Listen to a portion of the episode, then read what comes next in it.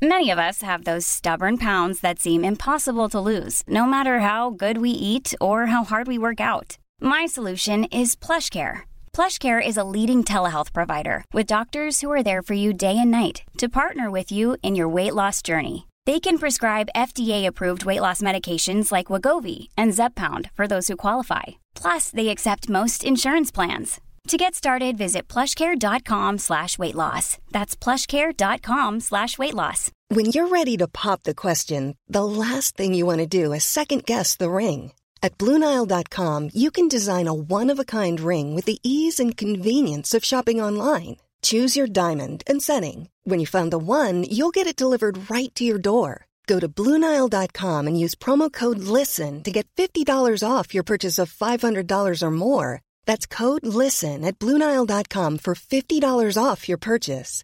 Bluenile.com code LISTEN. Du lyssnar på en podd från Media House by RF. Hej allihopa och välkomna till systrarna Elfstrands hästpodd avsnitt 149. Hallå hallå och god morgon får väl vi säga. Jag tror aldrig vi har poddat så här tidigt. inte för att det egentligen är jättetidigt, klockan är inte ens kvart över sju på morgonen. Mm. Men därav så har vi kanske inte riktigt pratat igång rösterna. Så Nej. har vi lite morgonröst idag så vet ni varför. Exakt, vi, vi ska till frisören nämligen och du sa att jag vill inte åka dit med eh, svettigt hår för vi brukar alltid träna på morgonen. Mm. Eh, så därför så tänkte vi att då poddar vi på morgonen istället innan vi drar till frisören. Ja, så, så får det bli. Och eh, det här är ju för övrigt podden om oss och våra fyra hästar. Och dessutom så gillar vi att snacka häst. Så dyker det upp någon rolig nyhet eller tragisk nyhet så brukar vi diskutera dem också. Det brukar vi göra. Men hur är läget med dig idag Anna? Ja, men jo men det är bra. Jag, jag har ju knappt hunnit känna efter tänkte jag säga. Mest gått upp, eh, slängt i mina linser och eh, kommit hit i princip. Men jag mår bra. Jag är taggad på att vi ska vara lite lediga. Alltså jag känner mig nästan lite så här jullovspirrig. Ja, jag Du vet, också. Sista skoldagen och jag vet när vi vi var ja, med små gick ju typ tvåan, trean så fick vi göra våra egna så här, ljuslyktor och tände dem varje morgon inför jul så här. och så kommer man ihåg så här, sista gången och så packar man ihop sina saker och sen så åkte man hem. Alltså, ja, jag får så flashbacks. Men eh, hur mår du? Jo men jag känner likadant. Jag är riktigt taggad på ledighet. Jag har sovit dåligt i natt tyvärr så jag är väldigt seg och trött idag. Vilket är första gången på evighet som jag sover dåligt men jag kunde verkligen inte somna. Du, du är för exalterad över Ja. ledigheten så du låg där och var helt pirrig. Nej jag skojar. Ja men kanske det. Nej men idag är egentligen vår sista riktiga jobbdag som vi ska sitta ner och ja, men dels spela in idag men Mm. också redigera för jag ska ju redigera YouTube-video och du podd. Sen så kommer inte vi spela in eller redigera något på nästan tre veckor tror jag och det känns ju helt sjukt. Det känns jättesjukt faktiskt. Och jag tror att vi kommer att sakna det också. Ja. Men det är ju det som är så nyttigt att faktiskt ja, men, få sådana här pauser vad det än gäller egentligen. Ja, exakt. Så det är så himla gött. Det enda som vi kommer jobba med lite nu i slutet av december är att ja, men typ publicera lite samarbeten och sådär. Mm. Men det är ju redan inspelat och filmat och fotat allting. Så det nu kommer vi verkligen känna oss lediga och vi har ingen jäkla webbshop att ta hand om heller under Nej. vår ledighet. För det har ju inte varit att vi har fått någon ledighet förut. Exakt, jag har ju, eller båda två har ju behövt jobba med det men jag har ju behövt kolla mejlen liksom tre, fyra gånger varje dag. Minst. Mm. Och det har ju absolut inte varit någon ledighet så det känns så himla himla skönt. Verkligen. Ja, alltså det är så en stor lättnad att ha lagt ner den där webbshoppen. Då. Alltså efter att vi har haft webbshop så känner jag att jag har verkligen fått en ökad respekt för de som jobbar med, med ja, men så här, service i butiker och i webbshoppar. För alltså vissa kunder de är alltså riktigt knäppa. Verkligen. Och jag får också en himla respekt för hur mycket arbete det är. För att det är inget jag har reflekterat över förrän vi själv har haft webbshop nu. Nej. Jag menar när man har gått in på webbshop och klickat hem saker så har man ju bara ja, men liksom väntat på att paketet ska komma hem. Men nu bara, men gud det är ju jättemycket jobb och då har inte vi ens la, haft lager hemma som Nej. vi har skickat. Eller jo, vi har ju fortfarande haft våra ridbyxor här men vi har ju inte haft eh, 10 000 olika produkter hemma. Nej, Liksom. det är ju en sån himla lång kedja det här med att Mm. ha en webbshop. Och därför så förstår vi också att det är inte så konstigt om det ibland blir något litet fel på vägen. Men det är ju många som kanske inte riktigt har den förståelsen. Vi borde nästan ta ett i något kommande poddavsnitt att ta upp lite knäppa grejer som har hänt oss i, vår, i och med vår webbshop-tid. Ja, det, det borde vi Nu, faktiskt nu, göra. nu när vi inte längre har någon webbshop, för då tänker jag att då är ju det preskriberat, så kan vi prata om det. Ja, alltså vi behöver ju inte nämna några namn Nej, nej, givetvis, men men bara lite- händelser Liksom. liksom. knäppa händelser, vad, ja, vad man kan råka ut för. Ja, det, det kanske vi skulle ta Mm. i något kommande avsnitt. Nej, så att himla respekt. Och jag har ju alltid haft förståelse för att saker kan strula. Mm. Alltså oavsett om jag har haft en webbshop innan eller inte. Men det är ju andra folk som inte riktigt har den förståelsen. Nej.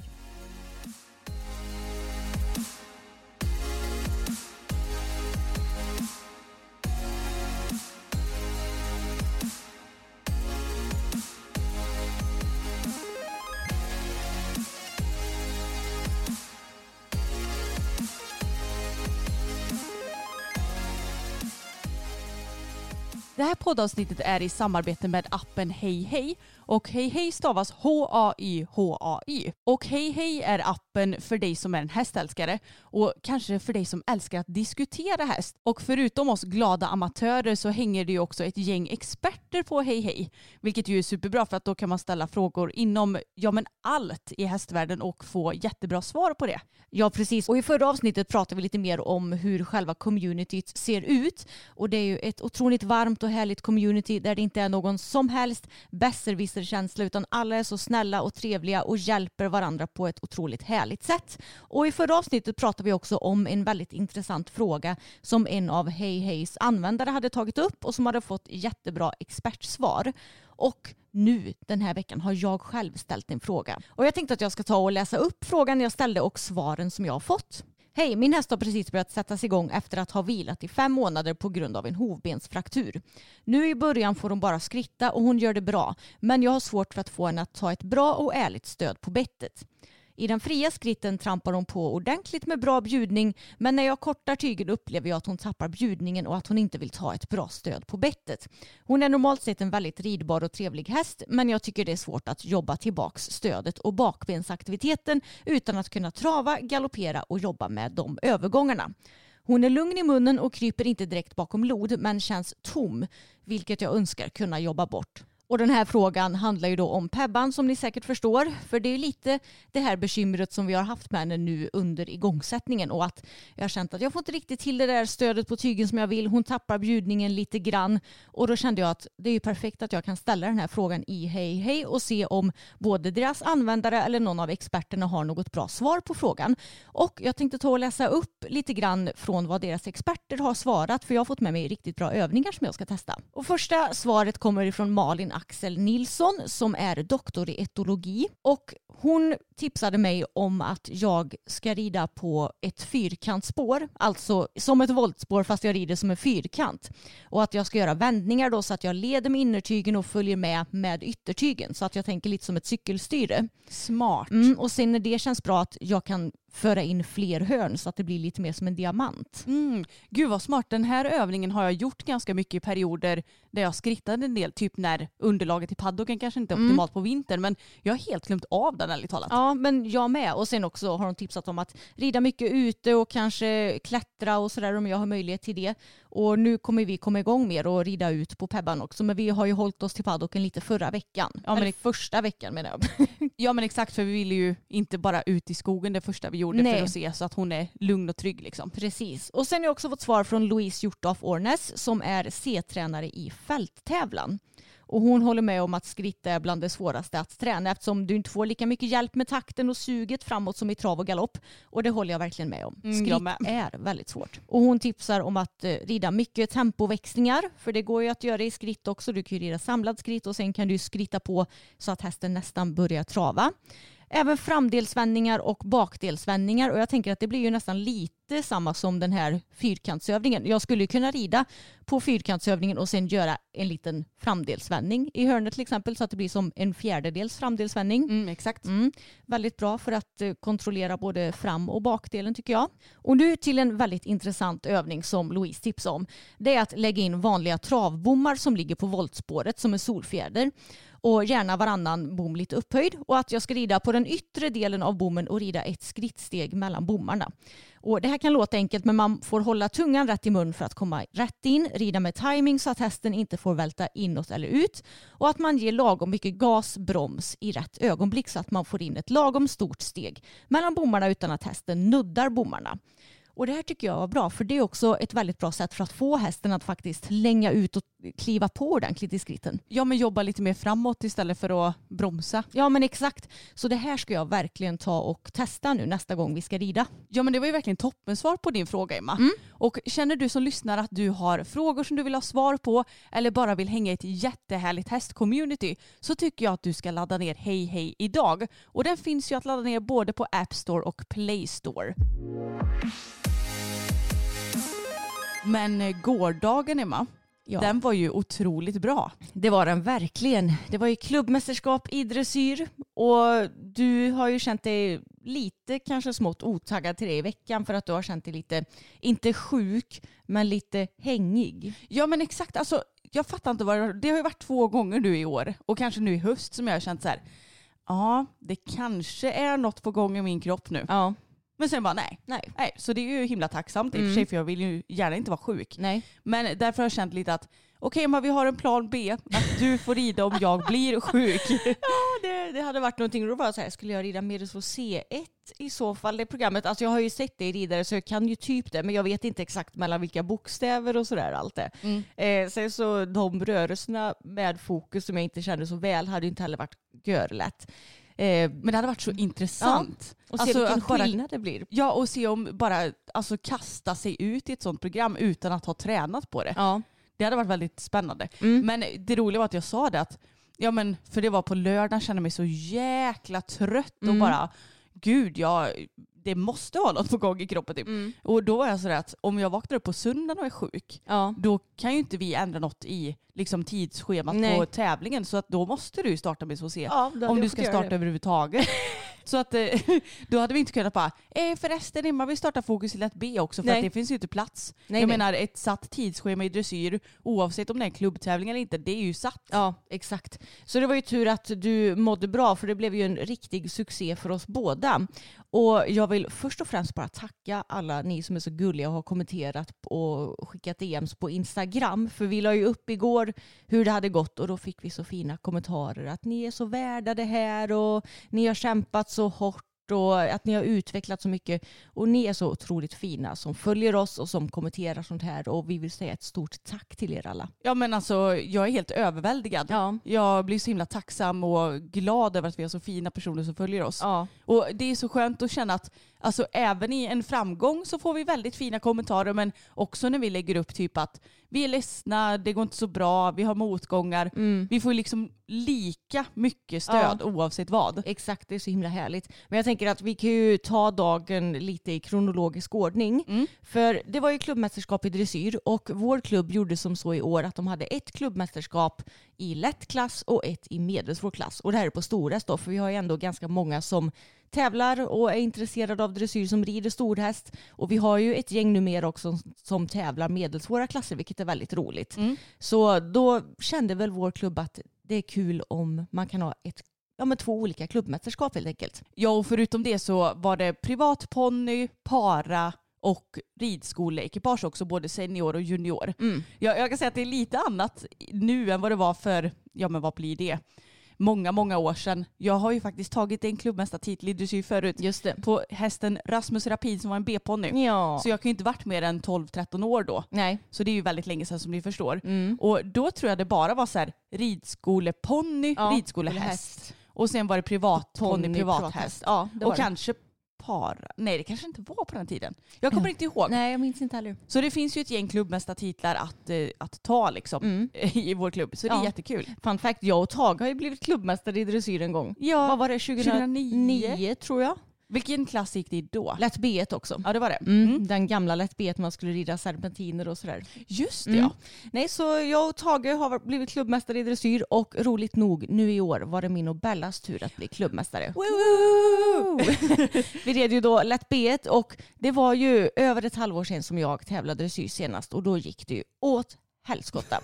så det är därför som jag bara har tävlat hoppning i höst och trä, tränat dressyr. För jag känner att nej, nu, nu jag är orkar inte med den här nej, skiten. ja, nu är inte jag taggad alls på att rida dressyr och vara lite bitter.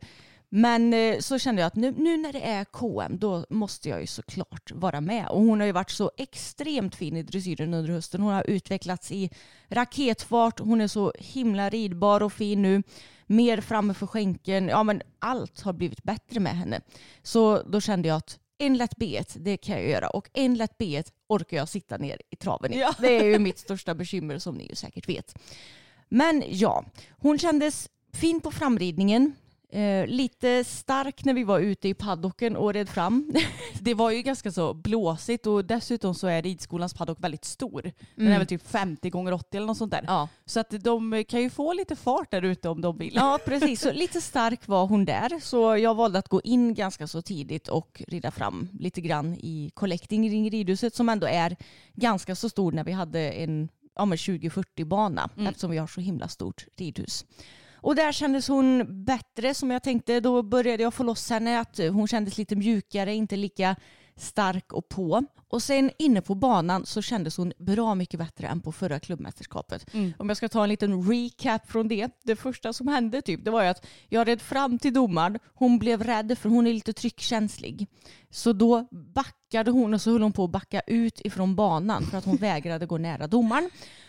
Och sen så fick jag ju henne att gå i närheten av domaren då, för det problemet brukar ju lösa sig ganska så snabbt. Men då var hon istället så himla sur på hela programmet. Och liksom, hon försökte typ hoppa ut från banan en gång Vänta, menar du alltså i förra året. I förra året i ja. klubbmästerskapet? Ja, Ja. precis. Hon försökte hoppa ut från banan en gång, hon sparkade emellan galoppen och ja men hon var liksom bara Ja. Hon hade ju p- eller långfingrarna ut alltså. Hon fick en fuck you hela programmet. Ja, då, så vi fick ju massor av missar. Trots det så fick vi väldigt bra poäng. Men vi vann ju inte klubbmästerskapet förra året. Nej och du var väldigt besviken då också vet Ja, jag. det var jag. Så nu var jag taggad på revansch i år och revansch fick vi ju. För den här gången, hon var så mycket bättre inne på banan. Hon var en liten ängel. Ja, Men hon var en ängel. Hon tyckte att domaren var lite läskig det allra första. Alltså det var typ det gulligaste jag sett för du galopperade ju runt lite Mm. och sen så kom du och galopperade i höger varv och så skulle du igenom hörnpasseringen mot domaren liksom. Ja.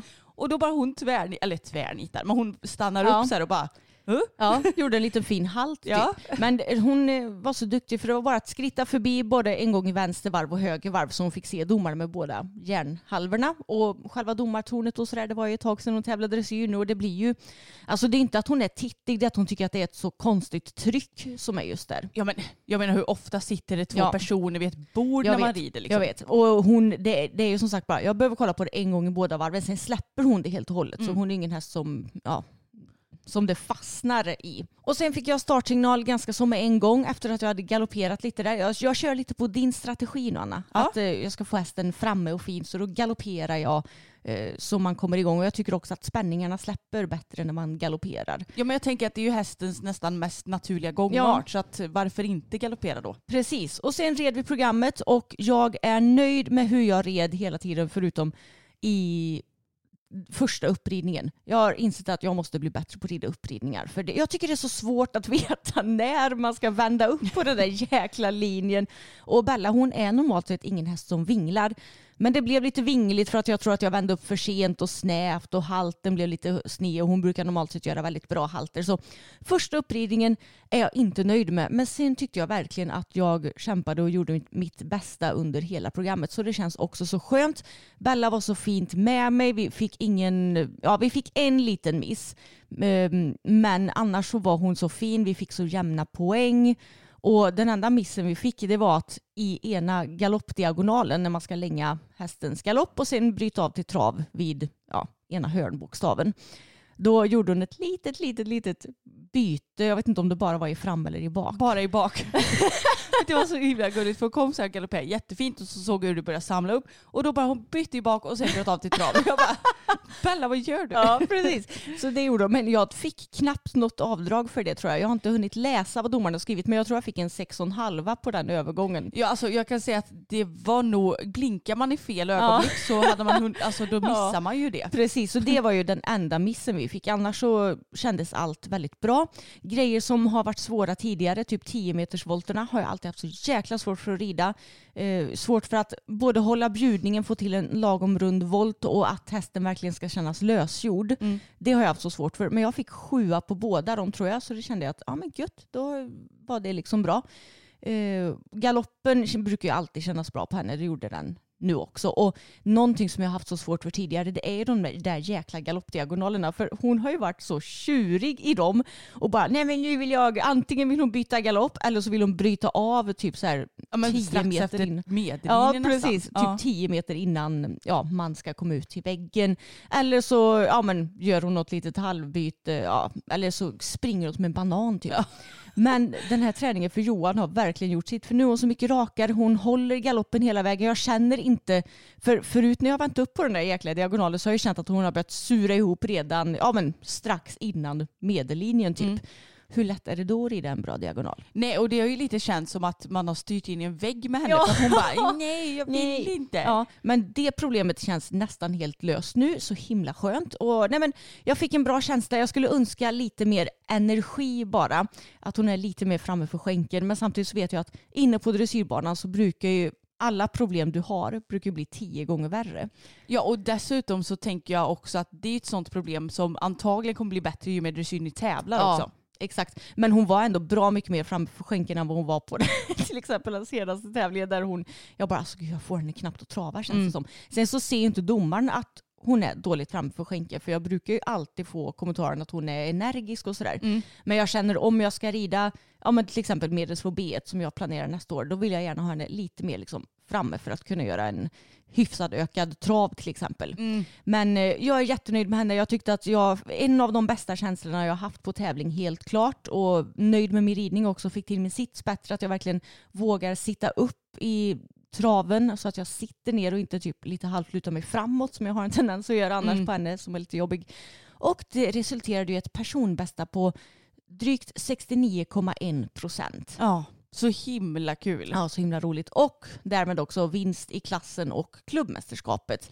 Så det var jätteroligt. Jag var väldigt nöjd över att jag nådde mitt mål för dagen och det var ju att jag skulle få bättre känsla än senaste tävlingen. Sen ville jag ju också bli klubbmästare. Det ska ju inte sticka under stolen med så det var ju också ett mål jag hade. Och det lyckades jag med så jag var väldigt nöjd med duktiga lilla Belsan. Ja men det var så himla kul att se den runda. Jag trodde inte att jag skulle hinna det men jag gjorde ju det. Ja. Och så tog jag egen bil. Så direkt efter redan start så susade jag hem. Och så, jag hade ju varit lite smart då och tagit in tag och fokus så att de stod inne för att det var ju lite ostabilt väder igår. Ja. Regnade rätt vad det var och sådär så att jag kände att då är det bättre att han står inne och blir torr. Men i alla fall, så jag tog ut fokus, hade tvättat benen dagen innan också. Så jag tog ut honom och började knoppa på en gång när jag kom tillbaka till stallet. Borstade, fixade lite det sista med benen bara. Och sen så sa ju du det, du Anna vi måste vara tillbaka senast klockan ett för att jag ska ju ta emot pris. Jag bara, ja. men gud jäklar ja. Eh, det hade jag ju inte riktigt haft med i min planering. Men jag tänkte att i värsta fall så får ju du bara ta min bil tillbaka. Mm. Men det är ju lite så här, det är ju ja, det är bättre vi åker tillsammans. Så du gjorde i ordning Bella, ställde in henne i fokusbox för vi sa det, det vi får göra i ordning på alla hästar sen. Ja. och vi hann ju faktiskt. Ja, vi, alltså vi, vi, kom, vi kom fram och precis då när vi körde in så hörde jag att de typ berättade resultatet för den sista i klassen och nu ska vi ha pris. Jag fick typ så här, springa in i ridhuset och in för de andra tjejerna som skulle in på prisutdelningen tillsammans med mig, de var redan på plats. Ja. Så man kan säga att hade vi kommit en minut senare så hade vi blivit sena. De hade ju såklart väntat mig, men ja. nu kom vi verkligen precis i tid. Så det var ju, alltså jag fattar inte hur du och jag hinner med allt ibland och hur vi är så effektiva. Jag fattar det heller, men jag fattar heller inte hur vi kunde vara så dumma och inte tänka på den detaljen. Nej. Men eh, ja, det löste sig väldigt bra ändå och sen så Fick fokus stå lite på släpet medan du käkade lite lunch och jag tog det lite lugnt. Och sen så var det ju dags att lasta ur honom. Och på framridningen så kändes han väldigt fin men också lite okoncentrerad. Ja. Men alltså den traven som han hade, det har jag nog nästan aldrig känt. Nej, för du började ju rida fram ute i paddocken också mm. och jag såg ju på honom att han var lite woohoo, att han var väldigt så här, pigg och framme och ja men att du kanske hade lite lite känsla som i Borås kanske eller? Ja men inte riktigt Nej. lika mycket Nej, för han var inte vet jag. lika stark. Nej. Men det kändes lite som att han bara, nu kör vi matte och jag Ja. bara, alltså kan du lyssna lite på mig tack? Mm, precis. Och jag hade lite bekymmer på framridningen att jag tänkte att jag rider lite diagonaler i galopp ner till trav för att i tävlingen, på tävlingen i Borås då hade vi ju en miss i att han bytte galopp efter rena mellangaloppen och jag bara nej det får inte hända idag. Så då gjorde jag lite det och då när jag samlade upp honom för att göra ett avbrott i trav, ja men tror du inte att han vill byta då? Jo. Jo. Så att då fick jag snabbt som matta göra en liten volt och bara nej sa jag till honom högt så, här, så att han skulle förstå Ja. att jag inte menar något byte. Och så sökte jag igen så bara han, ah, ska vi byta nu? Jag bara nej. Så då gjorde jag en halt och bara nej fokus. Vi ska inte byta galopp idag. Mm. Och sen så lossnade det. Ja. Så det var ändå skönt att få ordning på den lilla, eller det bekymret ja, inom citationstecken. Jag tycker ändå det är positivt att han vill byta Ja. men jag vill ändå att han ska byta när jag vill. Ja men verkligen. Och sen när banan var längd, för det var ju 2040 bana först och sen så längdes banan till medelsfoseet-klassen. Och då fick alla ni som red medelsfoseet komma in och rida fram lite på banan. Mm, det var väldigt skönt att komma undan blåsten kände jag. Ja. Så då red vi fram lite på själva banan och ja, alltså han brydde sig inte någonting om domaren direkt utan vi skridade förbi lite där och sen så red jag fram lite och kände bara nej nu vill jag typ köra. Ja, och man såg, eller jag kunde ju se att han blev ju lite lugnare och mer fokuserad inne på banan också. Det blev han. Det var väldigt skönt att känna. Så Mm. att då kände jag att nu är fokus som han ska och nu är vi ändå redo för att starta. Och efter ett litet tag sen, vi fick rida där typ en kvart kanske, Mm. så var det dags för min startsignal och då hade jag skrittat lite innan. Vi Och- måste ju berätta vad som nästan skedde. Ja just det ja. Ah. Vi har ju haft lite broddar på hästarna nu när det har varit snö och sådär Mm. och hade även det denna dag. Och därför så rider vi med boots. Vi brukar ju aldrig ha skydd annars. Liksom. Men eh, när det är broddar så vill man ju gärna ha boots på. Mm. Så det hade vi fram på fokus då för han har inga skor i bak. Och ganska så snart innan, för de hade precis kommit ut de andra två tjejerna som var med i min klass. Mm. Så ser jag hur pappa kommer in i ridhuset och jag tänkte bara vad ska han göra nu? Ska han vara en sån här störig person och stå och glo typ vid B eller någonting? Alltså, man, vet, ju aldrig honom. Jag, tänkte typ att han ville ha lite Ja. närsyn så här på själva programmet. Mm. Jag bara, vad gör du pappa? Han bara, du har bootsen på. Jag bara, ja just det ja. Och Så- Man kan säga så att det var, in, det var inte han som hade koll på det utan det var säkert eh, tävlingsledaren Emily som hade koll på det. Hon hade ju skickat ett meddelande till mig men jag hade nog på mobilen på ljudlöst så Ja. jag hade inte sett det. så det var ju tur att pappa, eh, att han har ju alltid på sin mobil och ljud på no matter Du, what. han stod faktiskt uppe i domartornet såg jag. Ja, så det var, det. han var ju precis vid Ja, Emily. nej, så jag hörde ju inte att hon hade skrivit det. Och jag är ju pappas dotter så jag är ju så disträ så jag tänkte ju inte på att du hade boots på dig. Men det beror nog också på att som sagt vi brukar ju aldrig rida med Nej. skydd så då tänker man inte på det. Exakt. Och det var bara så himla typiskt för att de är ju svarta också. Och han har ju Mm. ganska, i och för sig han har ju vita ben, men han är ju ändå ganska mörk i sig. Så jag tror inte man tänkte så mycket på det. Nej. Men Det är kanske därför man ska ha så här knallrosa, knallgröna, knallgula eller någonting. så att de verkligen syns. Nej, så att pappa var snäll och tog av dem. Och sen fick vi startsignal och körde igång. Och precis som du så vinglade vi lite på uppridningen. Ja men jag måste säga att ni var så himla snabba igång. Ni fick så här startsignal, välkommen Anna varsågod rid blås och då var du typ så här på ena långsidan, då fattade du galopp och så hade du typ så här tio språng på dig innan du vände upp så jag hann ju knappt nästan börja filma. Så jag tror att hade du kanske förberett lite mer så hade det kanske blivit lite bättre. Jo jag vet, men jag tror inte att det var det som var det största problemet. Nej. Utan det var hur jag red jo. uppridningen. Eh, jag kände att vi fick till väldigt fin galopp i svängen. Men sen så tror jag att, för grejen är att nu när jag rider för Johan så vill jag inte sitta och titta för mycket åt de olika hållen. För att Nej. jag har ju insett hur mycket man påverkar hästen. Jo. Om man sitter och tittar asmycket åt höger till exempel Mm. och ska titta på CO och domaren och vart den är någonstans. Och då, ja, jag vet inte, jag har blivit lite sämre på att förbereda just det. Mm. Så det är något som jag också behöver träna på för jag har ju varit duktig på uppridningar. Ja. Men har blivit lite sämre på det det Mm. senaste. Men eh, vinglade lite gjorde vi och jag tror att det största misstaget jag gjorde också var att bara sitta och hålla den här väldigt samlade galoppen som jag hade i svängen. Mm. För att det är klart att man ska ju ha samlad galopp i medelsfossé.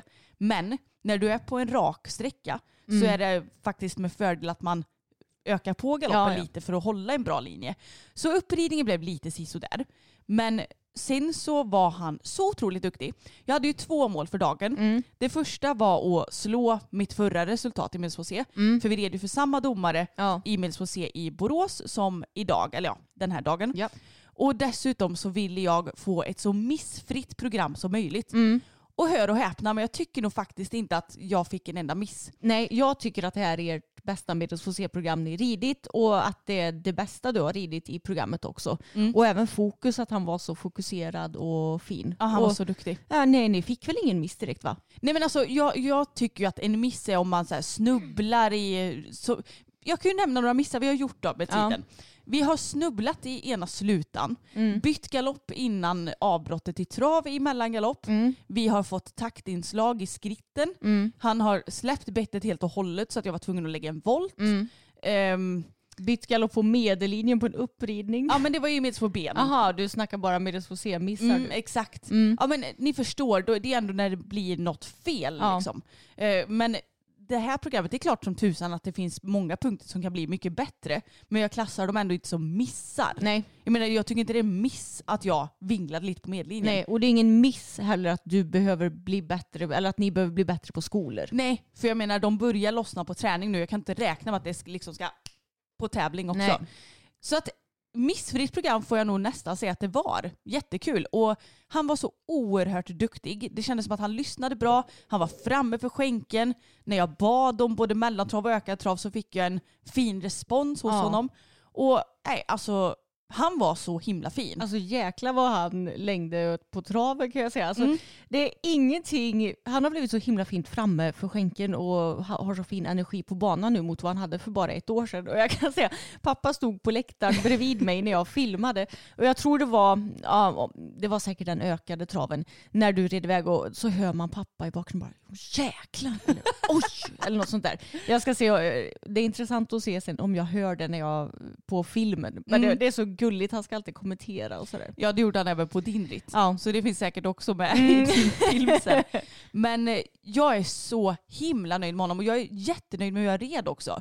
Jag hade ett litet mantra gående i huvudet och det var bara rid, rid, rid. För ibland så kan jag känna så att man håller på att koncentrera sig att ja men nu så är det öppna och sen är det volt. Och jag kan ju programmet, jag har ju ridit det så många gånger nu. Mm. Så att jag behöver inte hålla på och tänka på vad som kommer härnäst för det Nej. sitter nästan naturligt i min kropp. Och därför kände jag att det är bättre att mitt mantra är rid. Mm. Så att jag inte blir slapp och avslappnad. Och det var så Ja. roligt att, eller avslappnad ska man väl vara. Men du ja, men, fattar. ja men jag hade också det mantrat. För jag, ja men lätt B kan ju jag också som ett rinnande vatten. Och tidigare så har jag också blivit lite så här. Ja men det känns nästan som att man ger upp lite grann för att jag blir ju så trött av att sitta där i traven. Men nu bara, nej nu ska jag fan kämpa på hela programmet. Så jag satt där och flåsade och andades högt. Men jag red åtminstone he hela vägen in i mål. Jag kan säga att det hördes inte att du satt och flåsade. Nej, det kanske var mer hur jag kände. Men jag kan säga att astmamedicinen, den gör ändå sitt. Utan den hade jag knappt orkat tror jag. Vilken tur. Nej men så det kändes så bra och jag kände efter att jag, när jag hade gjort sista, eller när jag hade gjort halten inför skritten, då är ju travprogrammet klart. Kände jag bara, fan vad gött. För annars kan jag ju känna lite bara, åh phew, nu kommer vår räddning, galoppen. Ja. Men jag var ändå så här, ah, bra. Mm. Och så tänkte jag, nu är det skritt. Då ska vi fortsätta att hålla i det här programmet och ingen jävla taktmiss tänkte Nej. jag. Så det lyckades vi att få till och han gjorde så fin fattning till galopp, så bra för vändgalopp, bra enkla byten. Mm. Nej jag har ingenting att klaga på. Han var så jävla duktig ut Ja, sagt. alltså galoppprogrammet var goals. Nej så vi red upp på sista bedlinjen. Jag var ungefär lika glad som i Borås. Kände att eh, leendet det bara spred sig i ansiktet på mig för att jag kände bara vilken häst jag har. ja. Och sen så var jag så nöjd och så sa jag det att nu får vi se vad resultatet landar på. Mm. Och personbästa fick vi ju. 67,3 procent. ja, nästan 67,4 procent. Mm. Om man ska avrunda rätt. Ja men exakt. Så att det är så roligt verkligen att känna att ja, men jag slog ju mina mål liksom, eller Ja. vad man ska säga. Jag, dels så slog jag mitt resultat och det vill jag ju verkligen. Och dels så red jag ett så missfritt program som möjligt. Så det var så himla kul. Och sen så var det ju då dags för mina andra kamrater att rida och de är ju väldigt duktiga och jag, jag har sagt det så här att jag tror inte att eh, det kommer bli någon vinst i KM för att dels så den ena har ju framförallt ridit. Jag kommer inte ihåg exakt vad det är men hon är ju liksom etablerad i Mills B-klasser. Ja, med eh, många placeringar och sådär väl. Ja, och det har gått eh, jättebra för dem i år. De, hon har ju bland annat varit med i division 1-laget där de tog vinsten och sådär. Ja. Så att jag var sådär, "Ah, ja men vi får se det som en bra träning. Man och- kan säga att det var väldigt hård konkurrens. Exakt. Men hör och häpna så landade vi på exakt samma procent. Mm. Och exakt samma, för det är ju lite så, har du samma procent som någon mm. så kan det ju skilja sig i det allmänna intrycket. Och ja. det är ju gångarter och eh, lösgjordhet och ryttares sittshållning. Alltså ja. den där kolumnen. Och skiljer det sig där, då är det ju den som har mest poäng i det allmänna intrycket mm. som vinner. Men eh, vi hade ju exakt samma, samma. där också. så av tre ryttare så blev det två vinnare och två vinnare i klubbmästerskapet för mitt social. Ja. Så vi har nu alltså tagit vår första placering i dressyr. Wow, och då en vinst. Ja, mm. men det är lite roligt för att det känns nästan inte som en riktig vinst bara för att jag har delat den med en annan person. är inte det lite konstigt? Jo, det är konstigt. Samtidigt är ju en vinst en vinst. Ja, exakt. Och vi kan ju inte, varken vi eller domaren kan ju då för egentligen att Nej. vi fick samma resultat. Exakt. Så det är ju en vinst. Men ja. det hade känts lite mer som en vinst om det hade varit så att det skilt sig lite på oss såklart. Ja, jo. Men eh, samtidigt så är jag så glad över att jag inte gjorde någon liten tabbe så jag hamnade så på 67,2 ja. och hamna utanför placering. Exakt. Då hade jag varit jävligt ja, besviken. Det förstår jag att det hade varit. Nej, alltså, du ska vara så himla stolt. Vi, vi, ja, men som sagt, vi trodde ju verkligen inte att det skulle bli någon KM-vinst för dig med tanke på motståndet. Ja. Men tänk att du kom upp i samma nivåerna och att du lyckades få till en delad vinst. Det är ju helt otroligt. Ja det är så roligt. Jag vet knappt om jag har förstått det ärligt talat. Nej. Och Fokus tyckte att det var lite sisådär kul med ärevarv. För det ja. var ju hans första. Vi tog en placering i hoppning 2020 men då var mm. det väl antingen så tog de bara in vinnaren då. Eller det, var, var ju, det var ju under covid så det var säkert ingen prisutdelning. Nej, jag kommer inte ihåg exakt hur det var. Men vi var ju inte med på någon prisutdelning hur som haver. Och dessutom så skulle vi hänga på rosetten och Emily som delar ut eh, priserna, hon är mm. väldigt lång. Mm. Men Fokus gjorde ju en liksom sån här, att mm. han vek huvudet för att det var på hans sida där han har sitt känsliga vänsteröra. Så han ville inte ha någon rosett där. Nej. Så jag fick försöka att hänga på den och det gick ju till slut. Mm. Och sen så skulle vi ha en rosett till, den fick jag hänga i stubben för jag bara han vill nog inte ha fler i ansiktet. Nej. Och så var han lite såhär, höll på att skaka lite på huvudet och bara varför har jag en rosett på mig? Mm. Men sen så när vi skulle galoppera också så var han lite så här, varför ska jag gå här igen? Ja. Jag bara kom igen fokus, nu fattar vi galopp det, det, ska väl ändå synas att vi har vunnit programmet. Ja. Lite som med Tage ja. den gången jag vann. Herregud, det har jag ju tagit upp i podden. Ja. Men för er som inte har hört det så vann ju jag och Tage en Lätt C1 för tre, tre år, sedan. Va? Ja, nästan fyra nu då, mm. för det var ju februari 20, nej, 2019. Ja. Och då var det så himla fina priser. Jag fick en bukett med tulpaner, vi fick en stor rosett och sen så fick jag ett ja, men paket med så här, hudvård och choklad och allt vad det var. Mm. Den lämnade jag ju till dig. Men jag tänkte att det är lite kul att rida med den här blombuketten. Ja. Men Tage tyckte det var så konstigt att det höll på och prasslade så han ville ju knappt fatta. Han bara gick typ i någon långsam snigeltrav. Ja. Så jag bara, ja men vad bra att det syns att ja. vi har vunnit och Precis. förtjänat den här vinsten mm, Tage. Det syntes inte riktigt Nej. då. Nej men så att jätte, jättekul, verkligen. Jag är så otroligt stolt över min fina häst och det känns som att nu har man fått ännu lite spark i röven att vi ska fortsätta att kämpa liksom.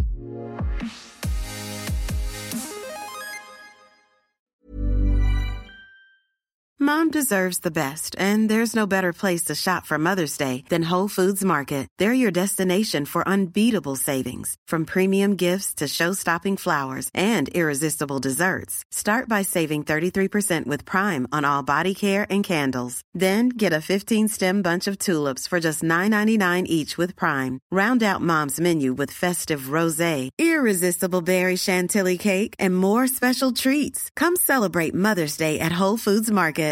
Flexibility is great. That's why there's yoga. Flexibility for your insurance coverage is great too. That's why there's United Healthcare Insurance Plans.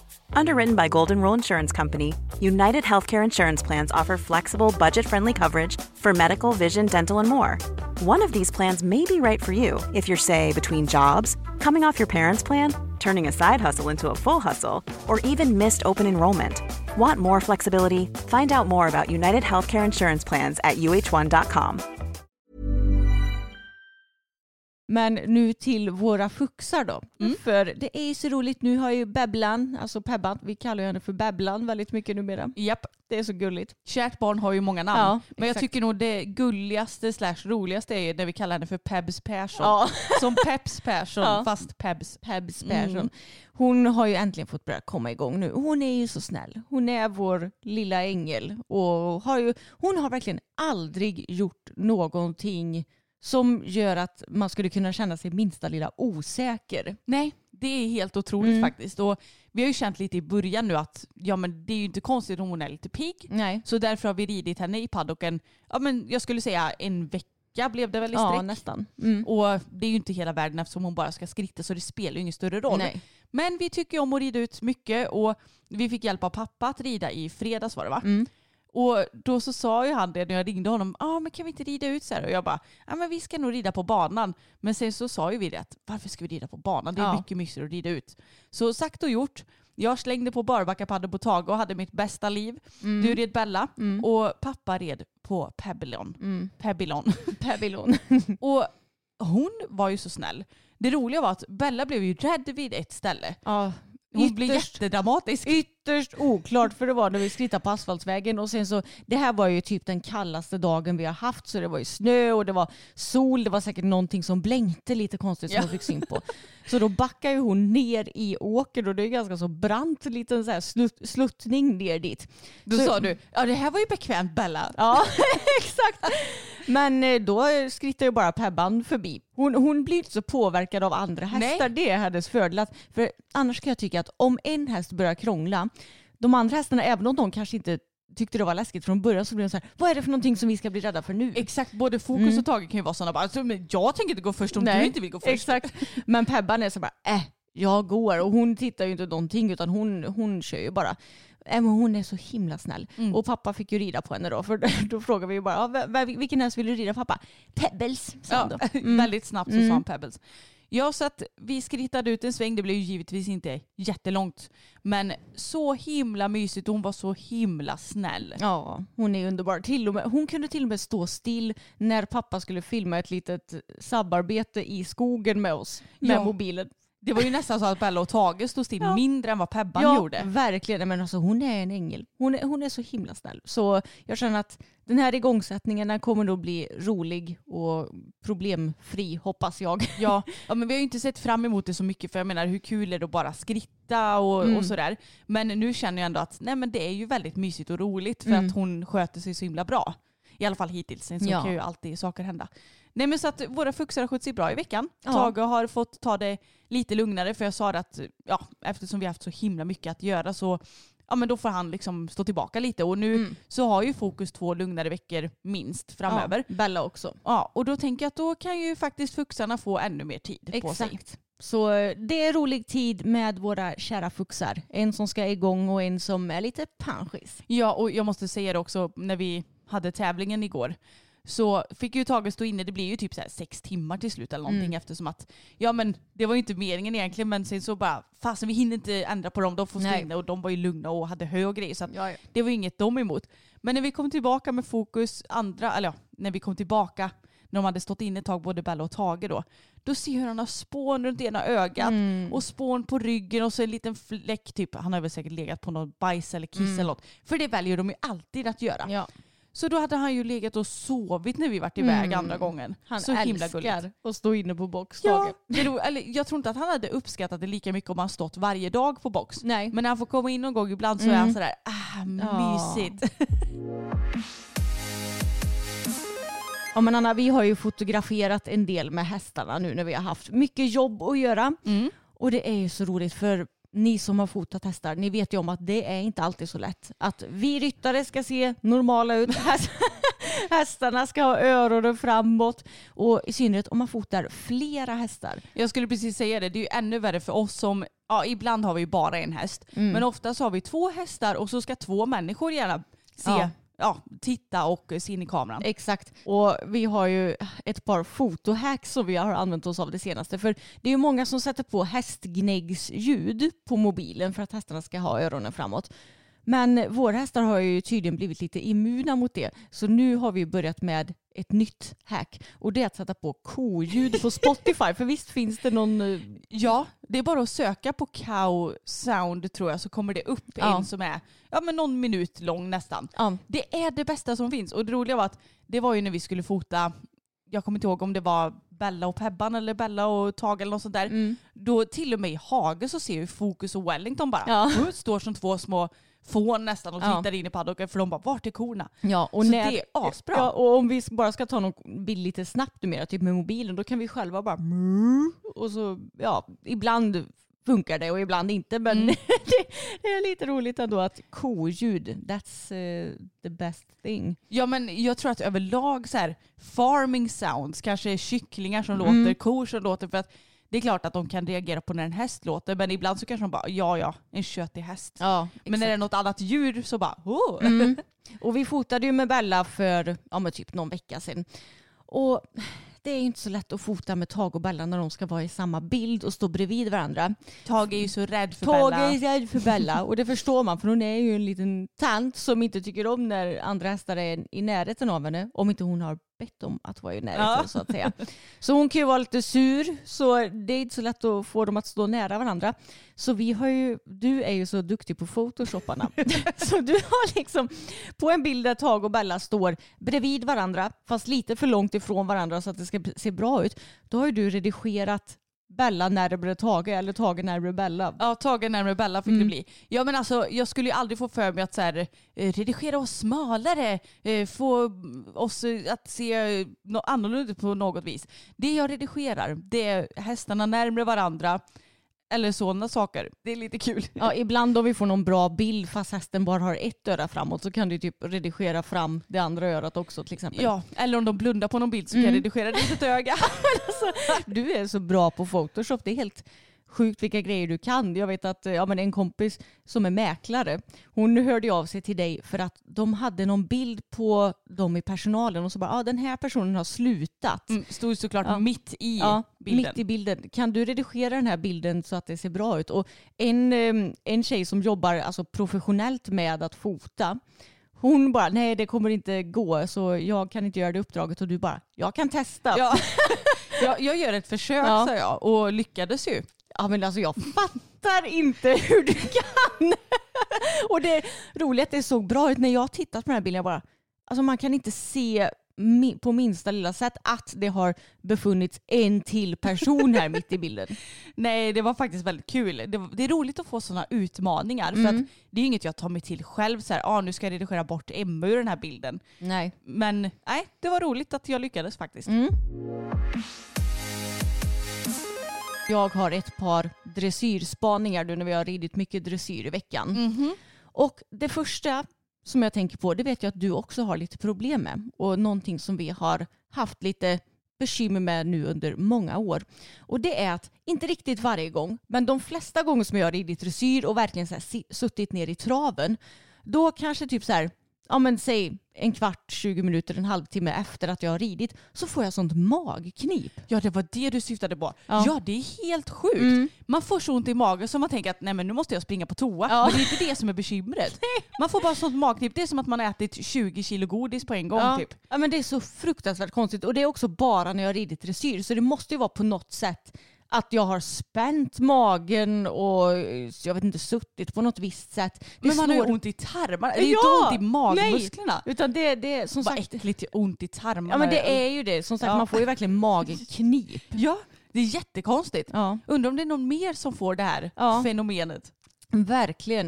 Det, det, har jag tänkt på så många gånger och det är så knäppt för det korrelerar ju verkligen med dressyren också. Ja, ja. För det är väldigt sällan som jag har magknip annars men det kommer efter dressyrträning och det jag har tränat. Ja. Och vi tränade ju också dressyr förra veckan inför KM mm. och det gick ju väldigt fint. Men jag fick ett så himla bra tips då av Johan. För ibland så vill Bella dyka ner lite i formen.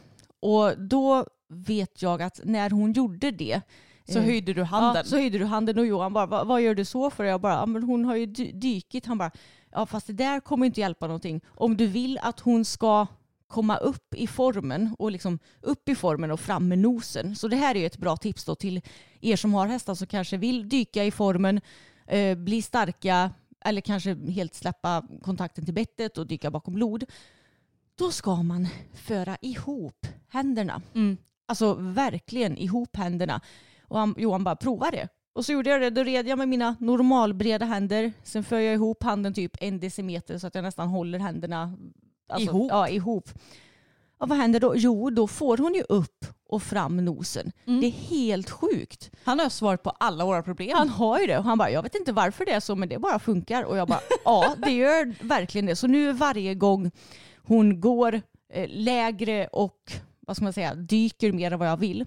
Då bara jag gör så här så får hon upp sitt lilla huvud. Men det är helt sjukt för jag har ju också instinkten av att om hästen rullar ihop sig lite för mycket att man ja, ibland kanske jag lättar och tar upp handen ja, lite exakt. och så tar en ny kontakt. Eh, och det funkar väl också säkert men det här är ju mycket enklare lösning på ja. problemet att bara smack ja, och tänk om du är på dressyrbanan och rider ett program på tävling och hästen bara krullar ihop sig. Då, jag tänker att domaren märker ju inte om du kör ihop handen lite grann. Nej. Ja, men det, det är någonting som sker. Hästen bara gör, får upp huvudet automatiskt. Uh, Sen kan vi ju inte svara för om nej. det funkar på alla hästar givetvis. Men det har ju funkat på Bella och Fokus. Jag provade också igår när han blev lite mm. för dykig i formen. Ja, nej, så himla bra lifehack som är väldigt enkelt. Vi kan ju säkert ta och filma det och lägga upp på story någon dag också när vi rider på banan. För det är ett otroligt bra och simpelt dressyrhack. Och här kommer spanings-Emma då. En till spaning som jag har tänkt på det senaste. Det kanske är för att Pebban har gått upp en del i vikt och sen så har jag min Bella som har en djup bål. Mm. Men jag kan inte förstå varför främst utetecken de är så korta i sidorna.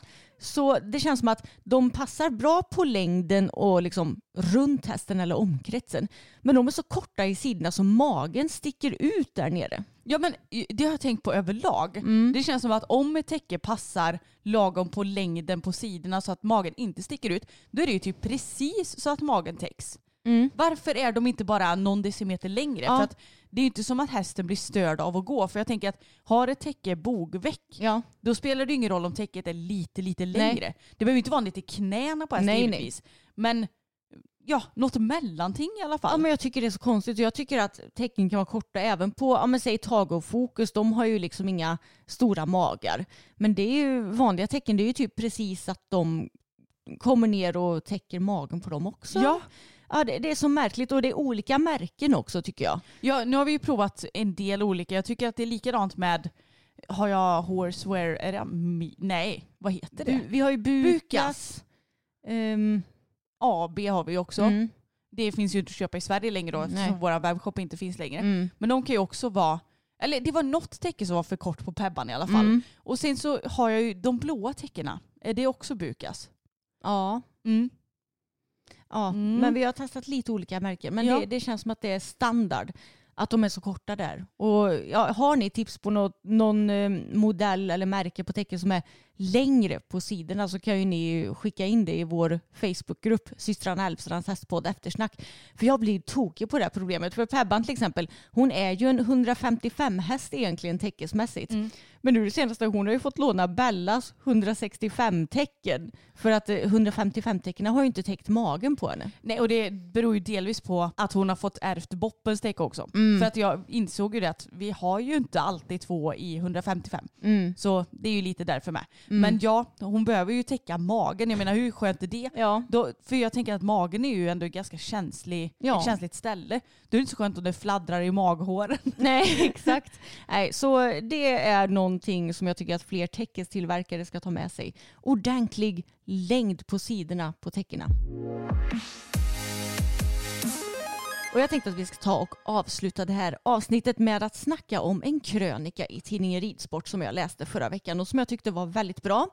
Och den heter Sporten måste ändra attityd till vikt. Och den är skriven av Therese Lindqvist och som sagt den var väldigt bra så jag tänker att jag ska läsa lite delar ur den här krönikan och sen så kan vi diskutera. Och Therese hon säger i den här krönikan att hon inte tycker att hästar ska behöva släppa runt på onödigt mycket vikt men hon menar att vem som ses som för tung och inte är väldigt godtyckligt och att det snarare handlar om att övervikt sticker i ögonen på folk än om att de faktiskt månar om hästens bästa. En lång och slank man eller kvinna kan bära på samma vikt som en kort och bred. Men utseendet är olika och den korta och breda är den som kritiseras.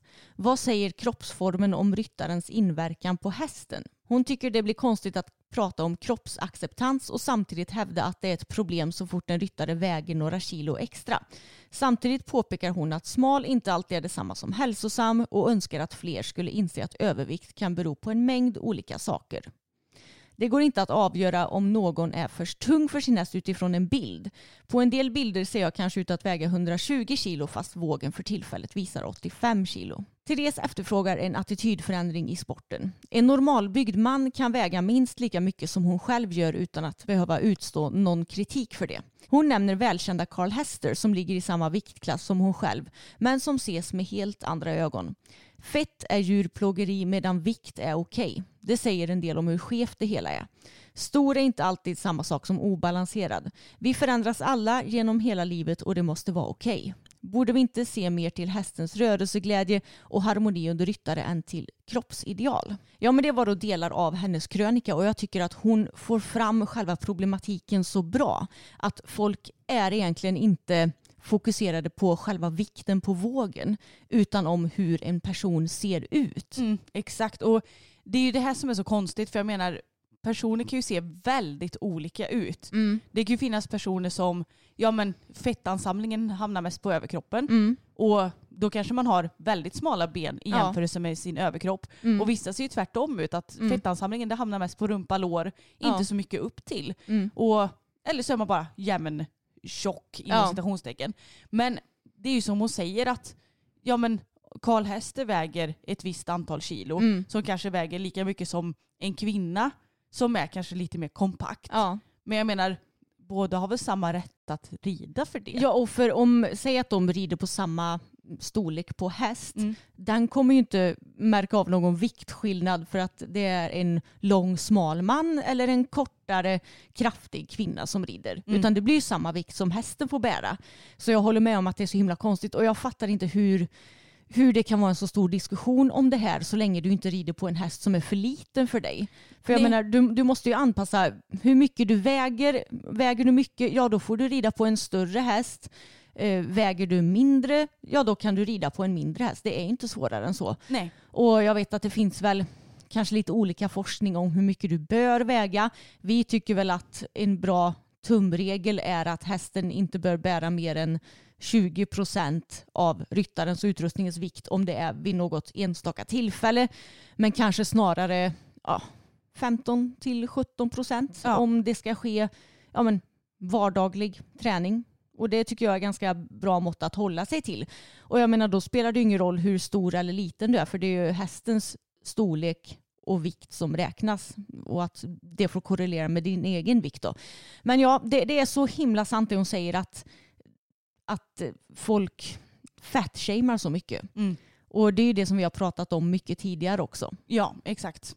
Så det var en väldigt bra artikel, eller artikelkrönika. Ja. Jag tror att den kan få folk att förstå lite på ett annat sätt när mm. den är skriven som den är. Precis. Det är ju aldrig som eh, man hör eh, någon kritisera Peder Fredriksson till exempel. Mm. Och jag menar, han är ju lång. Vad finns det mer för långa ryttare? Jag vet att ja, men Ludger Beerbaum, han är väl säkert runt 1,90 kan jag tänka mig. Mm. Han är ju väldigt lång. Även eh, Jeroen Dubbeldam vet jag, nu vet inte jag om han är aktiv längre, men han var ju också väldigt lång. Två väldigt framgångsrika män inom sporten mm. och de rider ju på liksom tunna sporthästar, inte alltid de största, men de har ju aldrig fått någon kritik för det. Medan om, ja men säg att en kvinna på 1,65 som kanske väger, ja men säg att de väger runt 85 kilo, vilket jag ju tror att de minst väger med tanke på hur långa de är. Ja, minst Peder och gänget väger menar du? Nej, ja, men äh, säg Ludger och äh, Jeroen, för Aha, de är nog ja. lite längre än ja, Peder. Mm. Då hade ju den här kvinnan fått så jävla mycket skit för att hon är för tung, medan mm. de här männen inte får den skiten. Mm, exakt. Och jag menar, Peder och Henrik von Eckermann, de rider på hästar som är typ som Tage i storlek nästan. Mm. De är ju inte mer än 1,62, 1,64, 1,65. Alltså, ja. De är ju ganska små hästar ändå. Mm. Vilket ju har visat sig vara väldigt bra för sporten i och för sig. Mm. Men jag menar pappa känner sig ju ganska så stor på Tage. Mm. Och pappa, visst han har ju ganska långa ben. Mm. Så att det är klart att benen blir ju längre. Men han känner sig inte jättebekväm att rida Tage. Nej. Och då är han ju egentligen inte för tung för Tage. Nej. Men nej, det, det är ändå intressant att det ses som okej bara för att du råkar vara lite mer utdragen i formen. Exakt. Ja, men det här är ju ett komplext ämne och det är också så här, svårt att säga att ryttaren väger så här mycket, hästen väger så här mycket, då får du väga max så här. Det, allt beror också på hur hästen är tränad, om dens vikt består av muskler och inte bara fett till exempel. Ja. Så det, det, är ett komplext ämne men jag känner också lite som med allt möjligt inom ridsporten att du får använda dig av det sunda förnuftet. Det, mycket är ju inte svårare än så när det kommer till både hästhantering och ridning. Nej, eller hur? Det håller jag verkligen med om. Du Emma, innan vi säger tack och hejdå så måste jag säga att jag blev lite chockad förut när du berättade för mig att du hade köpt lite choklad i helgen. Ja. Och att du inte tyckte att det var så himla gott för att du hade jämfört med mina goda och mustiga chokladbollar. Ja men jag vet inte vad det är. Men jag har aldrig ätit några så goda chokladbollar som dina. De slår verkligen alla andra. Och nu har jag insett att eh, ja, men vanlig choklad är inte så jäkla god jämfört med dina chokladbollar. alltså, det är ju faktiskt lite sjukt. Ja. Men vill ni ha recept? 100 gram rumsvarmt smör. Sen så ska man ha 0,75 deciliter strösocker. 4 deciliter havregryn. En halv deciliter kaffe och det ska ju vara kallt då. Mm. Och gärna starkt kaffe. Ja. För det tycker jag gör det ännu godare. En halv deciliter kakao, en tesked vaniljsocker och sen en nypa flingsalt. Och jag tycker att det är godast att rulla i pärlsocker för jag har lite mindre socker i själva mm. smeten mm. eftersom man ändå har pärlsocker runt om. Så ja. vill du ha kokos på då kan du kanske ha lite mer socker i själva smeten. Ja, jag tycker inte det är så gott att ha kokos på. Jag är inget fan av kokos. Det är så här torrt och ja, nej. Det, är vara... lite segt nästan. Ja, pärlsocker i tiss. Och det är därför som dina är så goda för de blir inte för söta eftersom du har lite mindre socker mm. i själva smeten. Ja. Och sen så ska man vispa, vispa. ihop alla ingredienser. Ja. Vispa tills det blir en god, lite kladdig deg. Mm. Och sen är det bara att rulla i valfritt. Ja. Alltså de, de, är så goda, det är helt galet. ja du cravar ju dem så mycket. Du bara Anna kan inte du baka lite chokladbollar? Mm. Okej, okay, det kan jag. de är så goda. Chokladbollar är ju världens bästa bakverk. Ja det är faktiskt väldigt gott. Mm. Det är orimligt hur gott det kan vara med bara lite ingredienser som man vispar ihop. Det är ju inget man bakar. Det är ju inte ens något du gör i ugnen liksom. Exakt, så chokladbollar över choklad är det ju för mig just nu helt klart. Ja, jag blev väldigt chockad över den eh, nyheten. Men hörni, ni får ha världens bästa jul nu oavsett om ni väljer att fira eller inte. Vi ska ha det lugnt och gött, äta lite god mat, träffa kompisar och nu kommer vi ju inte att höras live tänkte jag säga Nej. igen på några veckor. Mm. Så vi kanske kommer vara lite sämre på att svara på kommentarer både på Instagram, YouTube och i systrarna Elfstranders hästpodd. Men ni får gärna hjälpas åt och svara på frågor om ni ser det. Om ni, ni brukar ha så bra koll. Mm. Ibland så kan folk fråga så här, hur gammal är Tage? Så ser man att någon har svarat, han är 22. Ja. ja det är underbart att ni kan hjälpas åt. Mm, ja men exakt så det är ju toppen. Men vi kommer ju att uppdatera som vanligt både på podden och på vår YouTube-kanal så att vi kommer ju uppdatera lika mycket bara att vi är lite lediga så vi kommer inte vara lika aktiva. Exakt. Men ha det världsbäst så hörs vi igen om en vecka hörni. Det gör vi. Hej då! Mom deserves the best and there's no better place to shop for Mother's Day than Whole Foods Market. They're your destination for unbeatable savings from premium gifts to show-stopping flowers and irresistible desserts. Start by saving 33% with Prime on all body care and candles. Then get a 15-stem bunch of tulips for just $9.99 each with Prime. Round out Mom's menu with festive rosé, irresistible berry chantilly cake, and more special treats. Come celebrate Mother's Day at Whole Foods Market. Planning for your next trip? Elevate your travel style with Quince. Quince has all the jet setting essentials you'll want for your next getaway, like European linen, premium luggage options, buttery soft Italian leather bags, and so much more. And is all priced at 50 to 80% less than similar brands. Plus, Quince only works with factories that use safe and ethical manufacturing practices. Pack your bags with high-quality essentials you'll be wearing for vacations to come with Quince. Go to quince.com slash pack for free shipping and 365-day returns.